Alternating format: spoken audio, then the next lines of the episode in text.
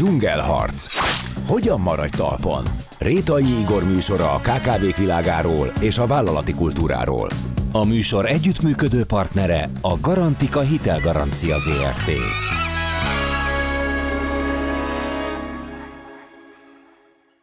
Sziasztok! A dzsungelharcot halljátok a cégeket működtető emberi energiáról.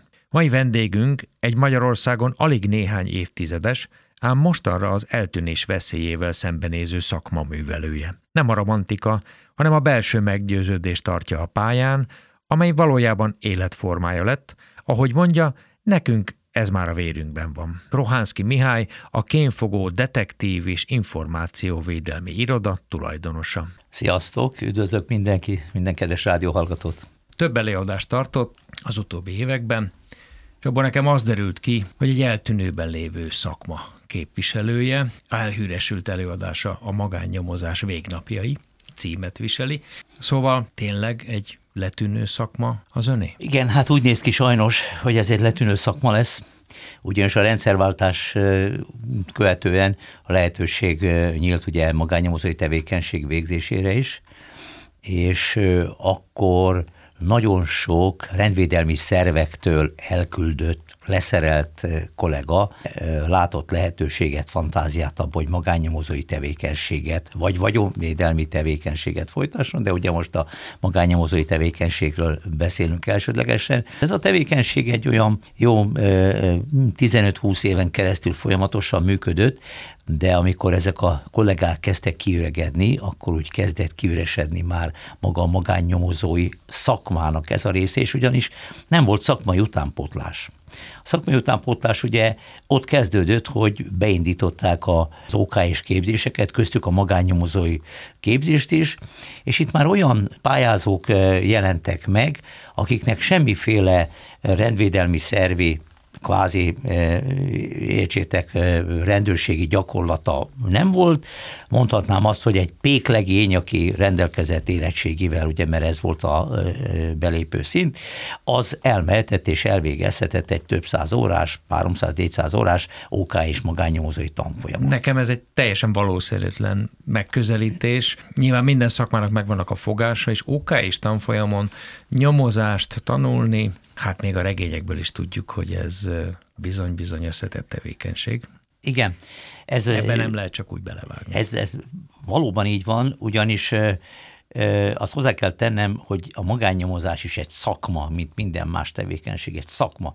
Ezt a szakmát meg kell tanulni. Hadd vágjak közben. Ugye magánnyomozásról beszélünk. De hát a rendőrségnél is vannak nyomozók, a titkos szolgálatnál is végeznek nyomo, lényegében nyomozási munkát, amikor felderítenek, azt ők felderítésnek hívják, de az lényegében nyomozási munka ugyanolyan bizonyítékgyűjtéssel, mint a idézőjében normál rendőrségi munka. Mi a különbség? Csak a státusz? Az, hogy az egyik az állam szolgálatában áll, és a hivatalos erőszak szervezetet szolgálja, vagy abban dolgozik, a másik pedig szigorúan a piacon tevékenykedik. Tehát van-e valami egyéb különbség a két mondjuk is szakma, állás között? Hogyne, természetes ég és föld különbség van közte. Ugye a rendőri tevékenység, a rendőrség munka az egy állami monopólium értelemszerűen. Most azok a, tevékenységek, amiket bizonyos jogszabályi keretek között a rendőrség végez, akár egy nyomozati cselekmény, akár egy, egy felderítési cselekmény, azoknak a, a végrehajtási része az mind állami monopólium. Egy magánnyomozó tevékenység az végül is a, a civil személy, állampolgár és a rendőrség közötti űrt tölti ki, ugyanis nagyon sok olyan tevékenység van, amivel a rendőrség hivatalból nem foglalkozik. Például, egy példát mondok, konkrétan, hogy egy vállóperes tárgyalásnál ugye vagy a férj, vagy a feleség megbízza a magánnyomozót, hogy derítse ki, hogy most ki a harmadik partner, akár egy férfi, akár egy nő, vagy valamelyik. egyáltalán. Vagy van egyáltalán. Na most a rendőrség ilyen tevékenységet nem végez. Értelemszerűen. Vagy például egy követeléskezelésnél az adós tartozik valakinek. Tehát abból, hogy a egy, egy, van, egy, van egy szerződés, mondjuk egy kölcsönszerződés, egy polgári jogi eljárás, egy kölcsönszerződés két fél között. A kölcsönszerződésnek a nem betartása, vagy a pénznek a nem megfizetése, az egy polgári peres eljárást vonhat maga után.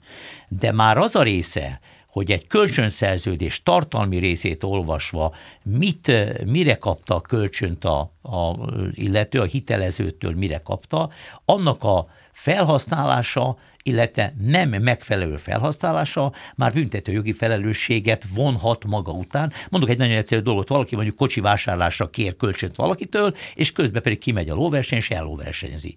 Tehát itt már egy sikasztás, illetve csalás közötti különbséget lehet, ennek meg már büntető jogi vonzata van. Na most ezekkel viszont a rendőrség csak akkor foglalkozik, ha mondjuk a magánnyomozó felderítette azt, hogy valójában mi történt, és utána a felderítése alapján a megbízó egy feljelent bejelentéssel él a rendőrség felé. Tehát egy ilyen űröket tölt ki a magányomozó. Igen, és én arra is gondoltam, hogy fejben van-e különbség. A, a laikus megközelítésemben a nyomozó az nyomozó, vannak szakmai fogások, hogy kell megfigyelni, hogy kell bizonyítékot gyűjteni, hogy kell a bizonyítékokat elemezni, a rendelkezés álló információkat leginkább elemezni, összerakni.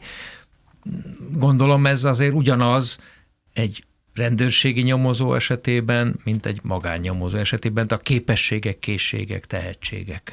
Igen, mint a, ahogy az elején elkezdtem mondani, hogy ugye amikor az OK és trendet bevezették, és OK és képzésbe lehetett magánnyomozó képzést is folytatni, akkor nyilvánvaló, hogy azoknak a magánnyomozóknak a, a felkészültsége, sokkal magasabb szintű, akik a rendvédelmi szervektől jöttek el valamilyen okból kiföl. Hát, mert azoknak az, nem csak, hanem az alapkiképzése, alapképesítése is megvolt, hanem mert a rendőrségen belül ugye különféle tanfolyam, illetve a rendőrtiszti főiskolának különféle szakágainak az elvégzése lehetséges, és amikor az ember rendőrként, hivatásos rendőrként dolgozik, akkor értelmszerűen, hogy olyan gyakorlatra is tesz szert, ami, ami majdnem, hogy elengedhetetlen, mint például mondom, hogy az orvosoknál ugye, amikor elkezd valaki, egy sebész elkezd műteni, többet műt, akkor nyilvánvaló, hogy ott már gyakorlata lesz. Most a rendőrségnél ugyanez a történet. Ha onnan valaki eljön és magánnyomozó lesz, akkor nyilvánvaló, hogy jóval képzettebb, mint az, aki egy OK és vizsgával megy el,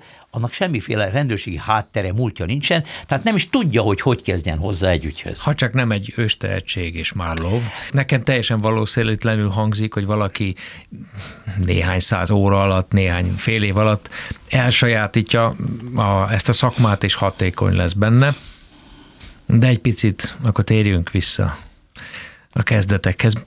Az, hogy rendőr lett, mert ugye azt nem mondtuk, hogy eltöltött jó néhány évtizedet a rendőrségnél. Aztán van olyan cikk is, ami azt írja, hogy az elhárításnál, tehát a, a, kémel, mondjuk így a kémelhárítás elég laikusan hangzik. Mennyit is dolgozott ott? Összesen, vagy ha ez Igen. nem titkos adat. Szerencsém volt a rendőrség berkében is nagyon sok évet eltölteni, és a Nemzetbiztonsági Szolgálatni is nagyon sok évet eltölteni. Én 26 év után mentem el nyugállományba. Összesen? Összesen, igen. Akkor látott egymást. Mi vitte erre a pályára? Gyerekkorom óta. Én katonaként kezdtem, először katonapályára mentem, és ezt követően mentem a rendőrségi pályára, ez gyerekkori, gyerekkori álom volt olyan. És meséljen. Valami regény? Hát, Mi volt az inspiráció? Végül is, végül is ez egy ilyen folyamat volt. Azért valamilyen szinten szerencsém volt, mert én szerettem volna tengerész is lenni, és, Milyen megértem én is. És igen, de érdekes módon, hogy már le is volt mondhatnám úgy nyelven fogalmazva, hogy le volt zsírozva már, hogy megyek, akkor még működött a mahart. És, és a mahart akkor tengerhajózásra is vette fel, hajó, így van, és vette fel a matrózokat, és ugye én is jelentkeztem a mahartnál, végigmentem mindenféle vizsgálatokon, stb. stb. stb. megfeleltem, és mondták, hogy tessen hazamenni már, és majd küldjük a úgynevezett behívót a hajóra. Hát én vártam, vártam, vártam, teltek a, a hetek, hónapok, egyszer csak nem jött semmi, és felhívtam a Mahartot, hogy a személyzeti osztályt, akkor ők személyzeti osztály voltnak, hívták, hogy hát mi történt, én itt várok, várom már a behajózási papíromat, és nézte ott a táblázatba a listáján a, a, az előadó, és akkor mondta, hogy hát a maga hajója már rég elment. Mondom, micsoda, és nem értesít, de hát kiértesítettük, de nem jelentkezett, és úgy döntöttük, hogy, hogy akkor hát Nem nem, nem, nem vállalta. Teltek múltak az évek, körülbelül 30 év telt el ezt követően, és akkor egy családi összejövetelen édesapámmal beszélgettünk, és akkor fölemlítettem, hogy hát tudod, hogy én hajózni is, el akartam menni mat, és mondta, persze, hogy tudom. Rácsodálkoztam, hogy hogy hogy. Hát én bontottam föl a, a levelet, amit, amit küldött a Mahart, miután az én nevem ugyanaz volt, mint az övé, és először ő azt gondolt, hogy hát neki szól a mahartól, hát neki mit küldtek levelet, felbontotta a levelet, és akkor látta, hogy hát ez, ez a fiának szól, és akkor mondta, hogy ez a fiú nem fog elmenni hajózni, és összetépte, és eltüntette a, a levelet. Így nem lettem én tengerész. Így ért véget a, Így ért véget a tengerész pálya, igen. igen. És mi vonzott a hadsereg? Az egyenruha, a rend? Mennyi... Én megmondom őszintén, hogy 14 éves korom óta már önálló tevékenységet folytattam, és, Azaz? és iskola mellett, tehát saját keresettel rendelkeztem, pénzt kerestem már nyáron, pénzt kerestem az operánál, elmentem világosítónak az alapképzettségem. 14 éves korában? Ilyen nyári, nyári munkára, aztán amikor, amikor elvégeztem a, a villamosipari szakképesítésem van az első, és ugye akkor utána első munkahelyként elmentem a, a állami operaházba világosítónak, mert ezt nagyon, nagyon szerettem. Ott szoktam meg a komoly zenét, amit a mai napig is nagyon szeretek, és nem is bánom, hogy, hogy oda akkor eljutottam.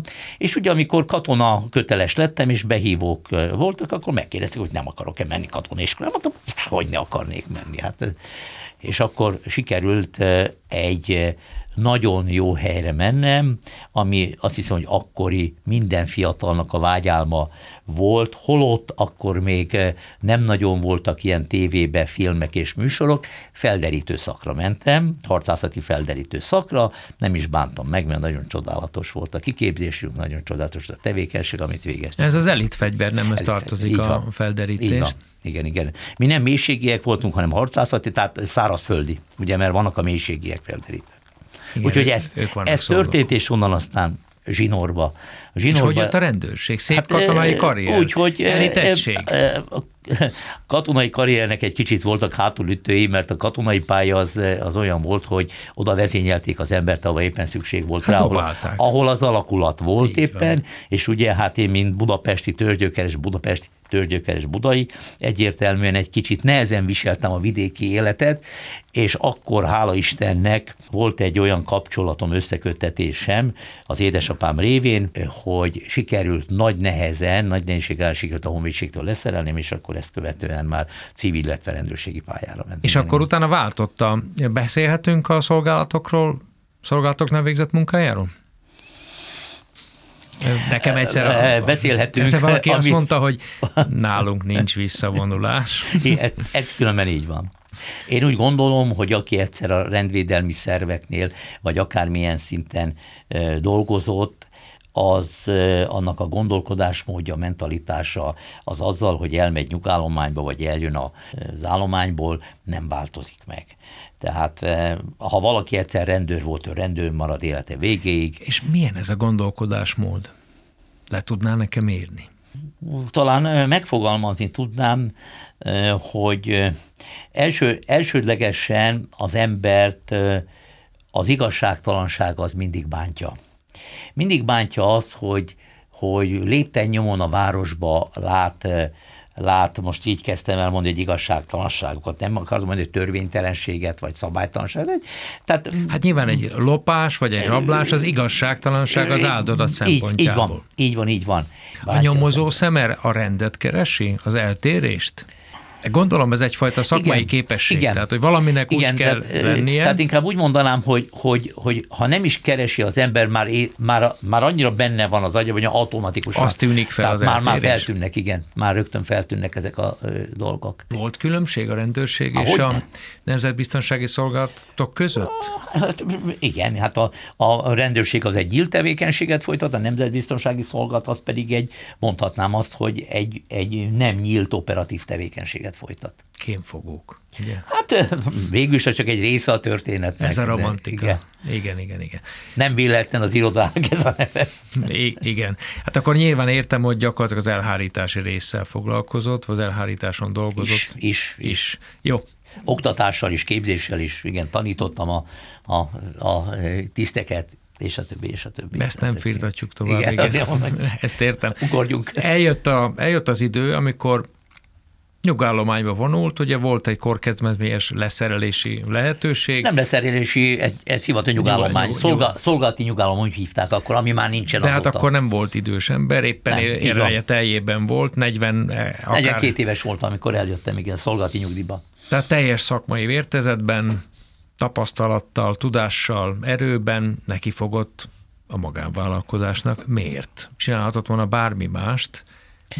Miért lett magánnyomozó? Az ember ehhez ért. Tehát nyilvánvalóan Igen, most, de mondjuk most csinálhatott volna cégeknél, dolgozhatott volna cégeknél biztonsági főnökként. Szóval Dolgoztam. Önnek is. Dolg, dolgoztam, tehát a cégünk az, hogy most egy magánnyomozó, magánnyomozó és információvédelmi iroda.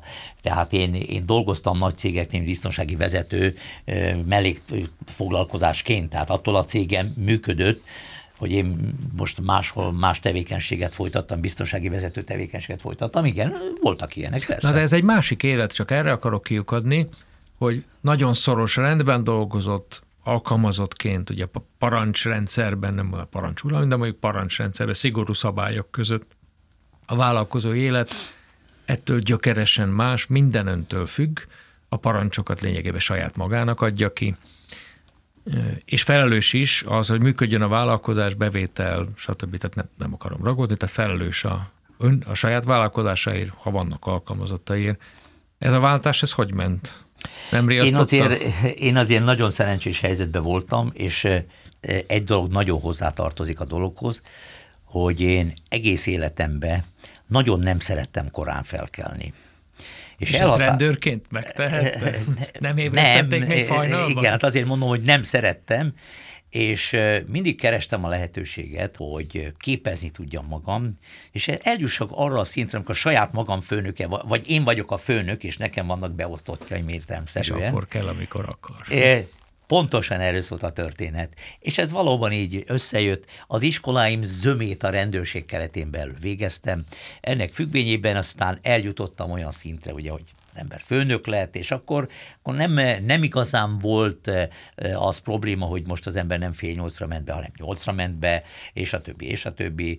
Amikor mondjuk tanítottam akár a rendőrtiszti főiskolán, akár a kémiskolán, ennek függvényében, ugye amikor óráim voltak, akkor mentem be, tehát azért ezek a, a dolgok úgy, úgy, úgy felemelték még az embert, hogy csodálatos volt mondjuk egy példával, hogy nyáron, amikor a rendőrtiszti főiskolán órát adtam, akkor fölmentem fogaskerekűvel félúton leszállt, és gyalog mentem föl, mert csodálatos idő volt, és csodálatos a hegy, meg a kilátás, meg a, a madarak, Szabad volt. vannak. Szabad volt. És szabad, szabad, igen, teljes egészében. És ugye, ugye ezt az ember úgy megszokta. Na most, amikor, amikor ugye a civil életben egy saját céget alapít az ember, akkor elsődleges, hogy ő a főnök. Hát innentől kezdve, meg akkor dolgoztam, most eltekintve, amikor kötelező, tehát pontos időbeosztás volt, az egy más történet, egy ügyekből kifolyólag, de akkor mentem be dolgozni, amikor akartam, amikor egy megbeszélés volt, akkor a megbeszélés mond, mindig olyan időpontra tettem, amikor nekem volt megfelelő. Ha azt mondta valaki, hogy kilencre menjek be az irodájába, akkor mondtam, hogy hát inkább 11-re mennék be, és akkor ez történt. Tehát, tehát amikor az ember saját maga határozza meg az idejét, az egy csodálatos dolog. És hogy szokta meg azt, hogy korábban, mondjuk így a hivatásos karrierje során, ugye mondjuk így, hogy ön önkérdezett ha bejött valaki, valakihez, vagy valamilyen ügyel kellett foglalkozni. Talán ez így elég diplomatikus, de a vállalkozó életben meg fordítva, jön az ügyfél, és az ügyfélnek kell megfelelni, tehát tulajdonképpen egy teljesen másik szerep. Az én esetemben nem arról van szó, előbb is szerettem mondani, hogy minden áron mennyi pénzt keres az ember, hanem arról van szó, hogy az a munka, amit én felvállalok, azt én meg tudom-e csinálni, és tetszik-e nekem. Na most nekem egy borzasztó nagy előnyöm volt már minden más egyéni vállalkozó vagy magánvállalkozóval szembe, hogy én azért kaptam egy nyugdíjat. Tehát nekem a vállalkozás nem arra kellett, hogy konkrétan a pénzkeresés azért, hogy fenntartsam magam az életvitelemet, meg egyéb dolgokat. Nekem volt már egy alapnyugdíjam, amiből, ha én nem dolgoztam volna, és minden további nélkül megéltem volna, vagy megéltünk volna. Na most maga a szakma az, amit az ember nem engedett el, és a mi fajtánk sajnos olyan, hogy addig dolgozik, amíg össze nem esik adott esetben, és onnan nem viszik el végérvényesen. Tehát nem, nem állunk le, nem tudunk leállni. Miért nem? Mert ez az ember vérében már benne van. Tehát valaki évtizedeken keresztül dolg, miért bocsánat, mondjuk egy orvos miért nem áll egy sebész, egy műtő, hát már remegő kézzel, de még mindig oda megy műteni, mert egyszer nem tud leállni. Ennyire szereti, vagy ennyire önben van? Inkább ennyire bennem van, amikor jön a megbízó, és leül így beszélgetni, és az előbb említettem a pénzkérdést. Nem arról van szó, hogy ő mennyit fizet. Fizethet bármit, ha azt a munkát én tudom, hogy nem fogom tudni elvégezni úgy, ahogy ő elvárja. Tehát ha ő elvárja tőlem azt, és volt ilyen rengeteget, elvárja tőlem azt, hogy én olyan bizonyítékot hozzak neki, amit én már most tudok, hogy nem fogom tudni teljesíteni, akkor nem mondom azt neki, hogy jó van, elvállalom a munkát, majd fizet valamennyit, amennyit mondok, de nem biztos, hogy hozom azt a, hogy tudom azt hogy. Tehát akkor nem vállalom el a munkát. Tehát vagy meg tudom oldani, vagy nem tudom megoldani. Más kérdés, amikor nem lehet megoldani, akkor elmondom neki, hogy nem lehet Például azt mondja, hogy készítsek egy fénykép, készítsünk egy fénykép felvételt valakiről, és akkor elmondom neki, hogy egy dolgot értsen meg, a körülmények függvény lehet-e felvételt készíteni. Ha sötét van, nem tudunk felvételt készíteni, egy fotót vagy videófelvételt, mert a sötét körülményekben ugye nem biztos, hogy az jó lesz. Ha világos van, napfény, meg egyéb, akkor ha olyanok a körülmények, akkor nyilván meg fogjuk tudni kísérelni, de nem biztos, hogy az tökéletes lesz, ezt tudjuk prezentálni. Tehát lebeszélem arról, hogy olyan, olyan költségekbe, vagy olyan elvárásokat ö, várjon el, amit nem lehet teljesíteni. Volt olyan, hogy bejött hozzám valaki, ö, mert mi technikával is foglalkozunk, technikai felderítéssel, magyarul poloska mentesítéssel. Ezt akartam kérdezni, lehallgatás, poloska Lehallgatás, felderítés. Igen. Tehát bejön hozzám valaki, és azt mondja, hogy ő olyan technikát szeretne, amit egy James Bond filmben látott, és leírja, hogy mi az a technika, és én tudom, hogy mi az, amit ott a filmben látott, és azt mondja, hogy ő, ő tudja, hogy Bécsben Mária Hilfe Strasse X szám alatt van egy bolt, ahol ilyeneket árulnak. És akkor mondtam neki, hogy drága uram, nagyon egyszerű a történet. Ha kitetszik ilyet venni, nekem kettőt tessék hozni. Mert ugye nincs ilyen, és elmondta, hogy a filmekben nyilván, hogy van ilyen technika, de a valóságban, a gyakorlatban nem. Ha egy kicsit valaki a fizikához élt, akkor a fizikai törvények végesek, tehát nem lehet átlépni dolgokat, és akkor ugye azokat úgy megvalósítani, mint hogy a filmekben megvalósítják Nagyon, ezeket. nagyon egyébként csak egy mellékkérdés, hogy nagyon eltérnek amit, az, amit a filmekben látunk az élettől? mondhatnám azt, hogy igen. Igen. Igen, igen, igen. Mert a filmekben minden olyan é, egyszerű. És a, a filmekben ugye abban az egy óra alatt minden vége lesz hamar, és mindent megoldanak. Úgyhogy ez Tehát nem, a valóság ez, sokkal prózai, ugye? Persze, persze. Hát most csak mondok egy példát, ami egy, nem is tudom, James Bond, vagy, vagy egy, egy lehetetlen küldetés filmben volt, hogy letettek egy szemüveget a, a pultra, és a szemüveg vett mindent, és közben ilyen nincsen, hát nem lehet, hát ott, ott se adatátvitel, meg egyéb dolgok, tehát ott egy adóvevő rendszerről beszélünk, hát nem, nincsen ilyen, nincsen. Van ilyen, de akkor egy ilyen hatalmas nagy koffer van még alatta, ami aztán ugye meg tudja csinálni, akkor, meg, szab, de nincsen, tehát gyakorlatban ez így nem működik. A valóság annyira teljesen más, hogy más az, amit a civil szférában látunk, és más az, amit hivatalos eljárásban a szakszolgálat alkalmazni. Hát ez meg eleve gondolom, itt is vannak nagyságrendi különbségek. Hogyne, hogyne. Önök egyébként nem különböznek. Hát nem különböznek az egyszerű civil polgártól, ha jól tudom, a jogi szabályozás szerint, tehát csak azt tehetnek meg, tehetnek meg, mint amit bármelyik civil, vagy van-e különbség? Hogy nem, borzasztó nagy különbség van. A magánnyomozó és a civil között egyetlen egy különbség van, hogy a magánnyomozó adott esetben tudja, hogy hova kell nyúlni, és honnan kell információt szerezni. Ennyi. Semmivel több lehetősége nincs, mint egy személy. nincs. Jogi fel, semmi az ég a világon nincsen. Tehát valójában semmi különbség nincsen. Csak én tudom, hogy például egy eljárásban mit kell csinálni, hova kell nyúlni, milyen adatbázisból milyen adatot kell lehívni, megnézni, és a többi, és a többi, amit mondjuk egy civil személy, ha tudná, ő is megtehetné minden további nélkül. Igen, ez a gyakorlat, Ez amiről, amiről az előbb beszéltünk Igen. az imént a, a, Ez a gyakorlat. kezdetektől. Poloskákat telepítenek, vagy Nem keresnek? telepíteni nem lehet, a telepítés az állami monopólium. Keresni mi, mi csak lehet. keressük, igen, de az is engedélyhez kötött tevékenység értemszerűen, és maga a műszereket is engedélyeztetni kell, amivel dolgozik a, az ember. Igen, Tehát mert ők gyakorlatilag ugyanaz ezek szerint a poloska maga, mint a poloska kereső. Végül is igen. Technikailag. Igen, hát érdekes történet, ami azt jelenti, hogy az embernek azért, és itt jön be a szakmai része a dolgok, hogy nem mindegy, hogy ezt kivégzi egy OK és magánnyomozó, vagy van engedélye, vagy egy olyan, aki, aki ugye a rendvédelmi szerveknél dolgozott. Vannak állami lehallgatások, és vannak civil kvázi lehallgatások. Na most az állami lehallgatások azok nyilván valamilyen ügyhöz kötötten történnek, és egy hivatalos eljárásban van. Már képzelem is, hogy találnak egy A állami másik, poloskát. a másik a civil lehallgatás, most hozzá kell tennem, hogy az interneten rengeteg nagyon jó minőségű professzionális lehallgató készüléket lehet kapni, de ezek nem olyanok, mint amivel nyilván, hogy az állam dolgozik, az Még- állami hatóságok. rosszabbak, gondol- gondolom. Ö, Nem, paramétereiben más, meg, meg mondhatnám azt is, hogy ezzel nem igazán áll kell titkot, más frekvencián, más eljárással másképpen dolgoznak, mint egy civil szférában kapható, kapható lehallgató készülék, ami nagyon jó minőségű, professzionális, de de nem ugyanaz a technika, ami az állam dolgozik. Különféle műszerek vannak, és ezért van a hatósági engedély a műszerekre, mert vannak műszerek, amikkel kvázi, most idézőbe mindent fel lehet deríteni. Most vannak kézi műszerek, most csak azért nevezem így, hogy szokorrádió, vagy egy széles sávú szkennelő, amely ugye végig megy valaki, és azt mondja, hogy jaj, semmi nincsen, és kész közben. Hát nem igaz, mert egy másik műszerrel, ugye, ami többet tud, azzal ugye fel lehet deríteni ezt is, meg azt is. Na most itt nem mindegy az embernek a lojalitása a régi cégéhez, vagy ugye nem volt neki régi cége, hogy most ugye felderíti, nem deríte fel, de hála Istennek, hogy az a technika, amivel mindent fel lehet deríteni, az Magyarországon csak állami hivatalnál van. Illetve mi rendelkezünk, mert ennek mi vagyunk a magyarországi beszállítója a mi hivatalos szervek részére. Tehát máshol civil forgalomban nincsen hála Tehát nem fordulhat az a helyzet elő, hogy magánnyomozó felderíti a poloskákat, és hogy, hogy nem, Igen, állami nem fordulhat, is. így van, így van, nem fordulhat elő szerencsére. Volt egy vendégem, aki egy jogosultság vizsgáló szoftverrel foglalkoznak, mert arra jutottak, hogy a bűnözők elkezdtek visszatérni a klasszikus módszerhez, azaz nem szoftveresen próbálnak feltölteni rendszereket, hanem egész egyszerűen oda mennek az emberhez, és a régi jó klasszikus zsarolási módszerekkel ráveszik arra, hogy adatot vigyenek.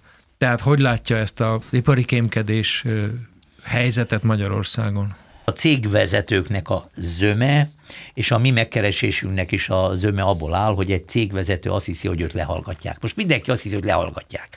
És amikor kimegyünk, és, és elkérdezik, hogy megkérdezik, hogy miből gondolja, és akkor elmondja a folyamatot, és én mondom, hogy itt személy probléma lesz ebből a dologból, és mint végül ki is derül, hogy a titkárnő elmondta a Julikának, a Julika elmondta a férjének, és a többi, és a többi, tehát így terjednek a dolgok, hogy mennek információk. Klasszikus pegykalánc, és mondhatnám azt, hogy a, a 70-80 százalékban így mennek ki az információk. És hogy lehet kialakítani a jó ügyfél vállalkozó kapcsolatot, a bizalmat megteremteni, bejön a, a, az ügyfél, nyilván valamilyen értelemben lelkileg már egy elkínzott ember, hogyha gyanakszik, mert a gyanakval, gyanúval élni az nem igazán jó. Hát az embernek jó emberismerőnek kell lenni, és lekobogom, remélem, hogy jó emberismerő Talán ez szakmai Ez, ez hozzá tartozik, ez hozzá tartozik, és azért az első, első benyomás az számít. Az nagyon sokat számít, utána számít az, hogy hogyan kommunikál az illető. Mit mond, hogyan mondja, amit mond, mennyire érzelmileg mondja, amit mond. Másképpen beszél egy nő, másképpen beszél egy férfi, amikor előadja a problémáját, vagy elmondja egyáltalán. Eh, hogyan mondja el, milyen a testbeszéde az illetőnek akkor, amikor éppen elmondja nekem a dolgot, vagy amit szeretne a problémáját. Ebből azért már úgy nagyjából az ember össze tudja rakni a személyiségét az illetőnek, de hozzá kell tennem, hogy lehet, hogy nagy csalódik az ember, hogy valóban félreismerem, de ez, ez nagyon ritka. Mi mindig elmondjuk a megbízónak elejétől a végéig, hogy egy adott ügyben mit lehet csinálni, és abból mi mit tudunk megcsinálni, és mit fogunk csinálni, és végigvezetem, hogy na ez lesz a végeredménye. És elmondom, hogy ez lesz a végeredménye, de ez a végeredmény nem biztos, hogy megfelelő lesz az ön részére. Tehát én ezt tisztán elmondom elejétől végéig, és akkor elmondom neki, hogy mi ezt akkor itt csinálni, megfelelő-e, vagy nem megfelelő. És ha azt mondja, hogy megfelelő, akkor azt tudjuk prezentálni. Ha azt mondja, hogy nem megfelelő, akkor köszönöm szépen, viszont látásra, és akkor, akkor odébb áll. Tehát nekünk nem az az elsődleges cél, hogy leszedjük a pénzt a, a megbízótól. Nagyon sok olyan, olyan megbízóm jött már, akit lebeszéltem a megbízásról egyáltalán. Holott, mint ahogy mondtam, ezt a cégek nem szokták, mert hiszen ebből élünk jóformán. És miért beszéli le? Mert látom, hogy mit vár, és látom, hogy azt úgy nem tudunk az ő elvárásainak, a szakma nem tud megfelelni. És akkor mondom hogy hiába megy el, hogy mi nem tudjuk megcsinálni, hiába megy el három-négy magánnyomózat, azt se fogja tudni megcsinálni, mert nem lehet megcsinálni az ő elvárását. Tehát most mondok egy nagyon egyszerű, sarkított dolgot, pénzkövetelés. Felderítjük, hogy az adósnak ugye milyen van, milyen nincsen, ugye csinálunk egy, akár egy, egy KT-t, egy környezettanulmányt, egyéb dolgokat, és amikor azt mondom, hogy jó, hogy ez az ember tartozik önnek, mit tudom én, 5 millió forinttal, de ezt az 5 millió forintot akármilyen eljárás alá vonjuk, nem fogja tudni kifizetni, mert nincs miből. Mi mindig úgy csináljuk, amikor elvonunk egy munkát, hogy azt mondom az illetőnek, hogy futunk benne egy kört, utána nézek, hogy mit érdemesebb, mennyit lehet csinálni, és a következő találkozón, ide tetszik jönni, elmondom, érdemese felvállalni, mert egyszerűen lesz-e belőle pénz, vagy nem lesz, mondjuk egy követeléskezelésnél. És amikor körbejárjuk a történetet, akkor felhívom telefon, és mondom neki, hogy ne haragudjon, körbejártuk a dolgot, nincs értelme semmit csinálni, mert nem lesz belőle pénz, akármilyen eljárás alá vonják az illetőt. Volt már úgy, hogy abba akarta hagyni ezt a vállalkozást? Nem. Ez egy életforma, nem. amikor beszélt az előbb a szakmájáról, meg hogy miért nem hagyja abba. Nekem nem. az jutott eszembe, hogy ez egy, ez egy életforma. Ez egy életforma.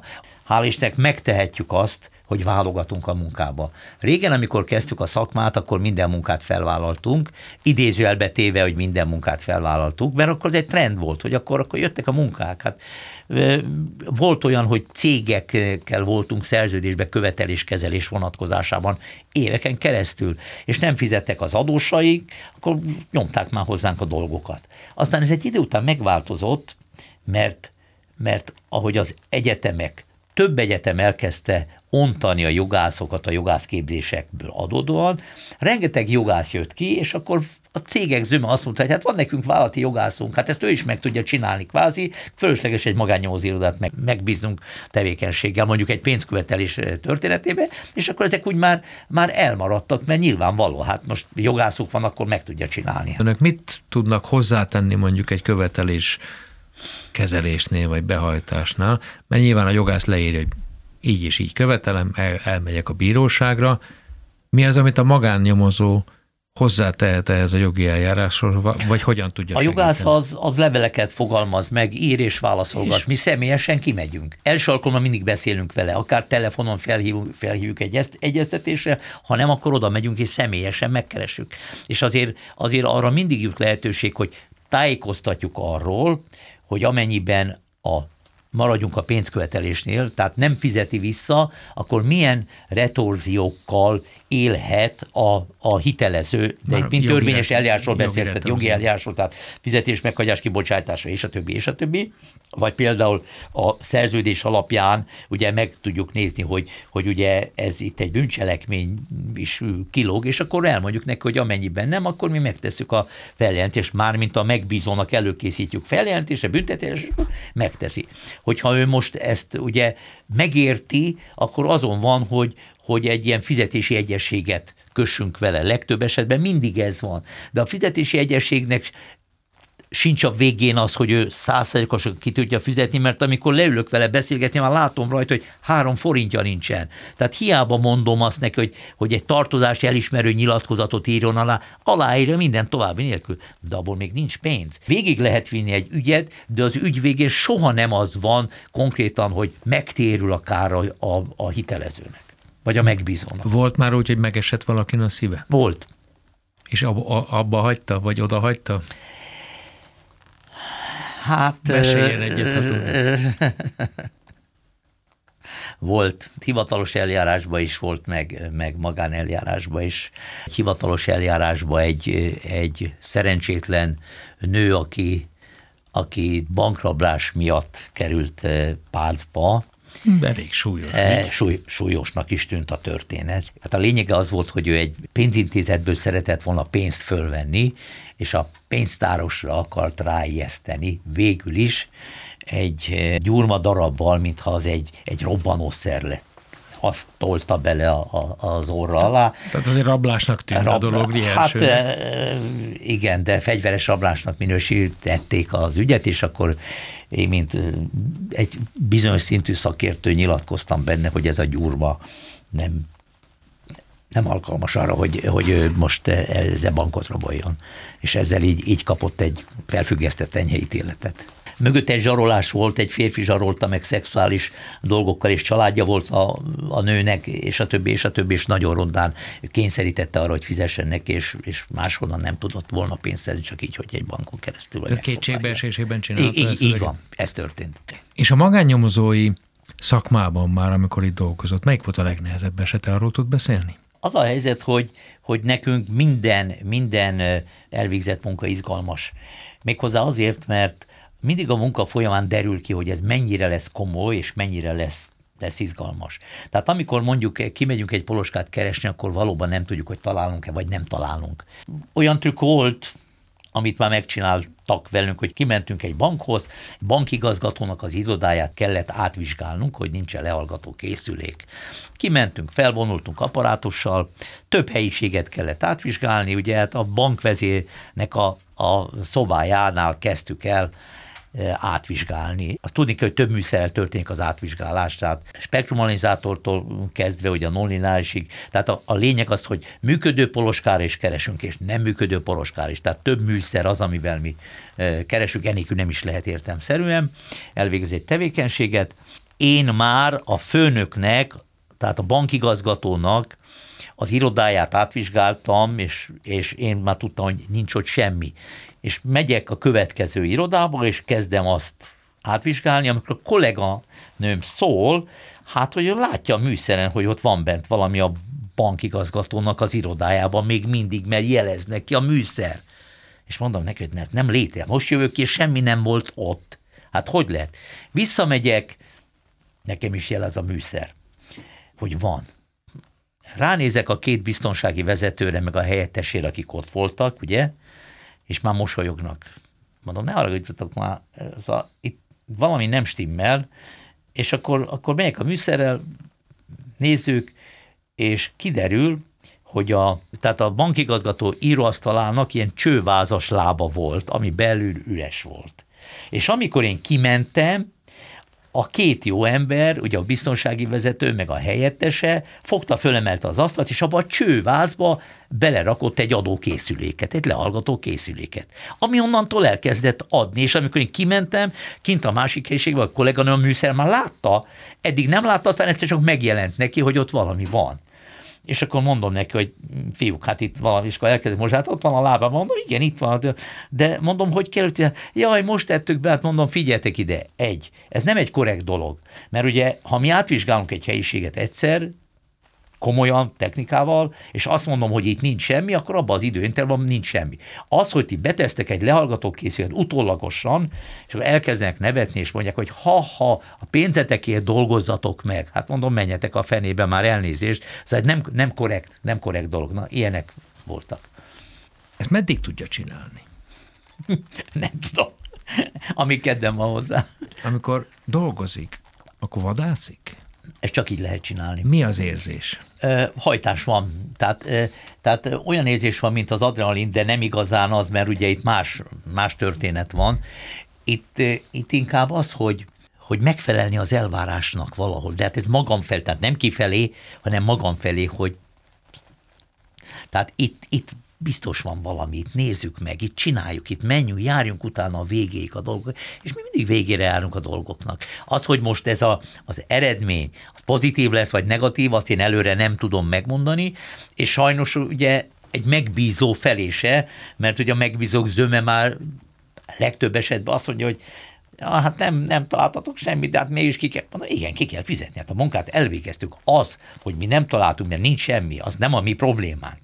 Most egy vállóperes, visszatérve egy vállóperes esetre is, az, hogy, hogy a férj, hogy a nő megcsalja, vagy fordítva. És amikor oda megyünk a férjhez, és mondom, mondjuk, hogy a nő abban az időintervallumban, amíg figyeltük, vizsgáltuk, nem volt kapcsolata senkivel. Tiszta. Tiszta. De az, hogy most holnap után lesz valaki, azt mi nem tudjuk garantálni. Mennyire hallgat az ösztöneire munka közben? Hát mondhatnám azt, hogy általában mindig. Nem igazán ösztönről beszélünk, hanem, hanem úgy gondolom, hogy ebbe benne van már a szakmai rutin, ebbe benne van már a szakmai mentalitás, tehát ez már több dologból tevődik össze. Az ember eh, kimegy az utcán, vagy bemegyek egy, egy, egy presszóba, vagy egy étterembe, akkor a, az ember szeme már pillanatok alatt körbejár, nem úgy vaktába megy be, és akkor már azt nézi, hogy na hova üljek le, ajtóval, bejárti ajtóval lehetőleg nem hátra, milyen sarokba, mi a menekülési lehetőség, és a többi, és a többi. Tehát az embernek e, e, már ez, ez úgy, úgy benne van. Ilyet utoljára filmben láttam, de ezek ez van, ez, ez, ez, ez, ez létezik. Ez, ez, létezik, így, így ez létezik, igen. Igen. Ki jön be az ember ajtóval szemben, hogy kit lát, hogy bejön, ki jön be, hova megy, mit csinál, hova ül le, miért ül le. Tehát ezek már mind-mind úgy benne vannak az emberbe teljes egészében. Ez rányomja a béleg, bélyegét az életére, meg arra is kíváncsi vagyok, hogy a szakmájából kifolyólag, főleg amíg rendőr volt, gondolom az elhárítás az egy más kategória, hogy sok rosszat, rosszal találkozott.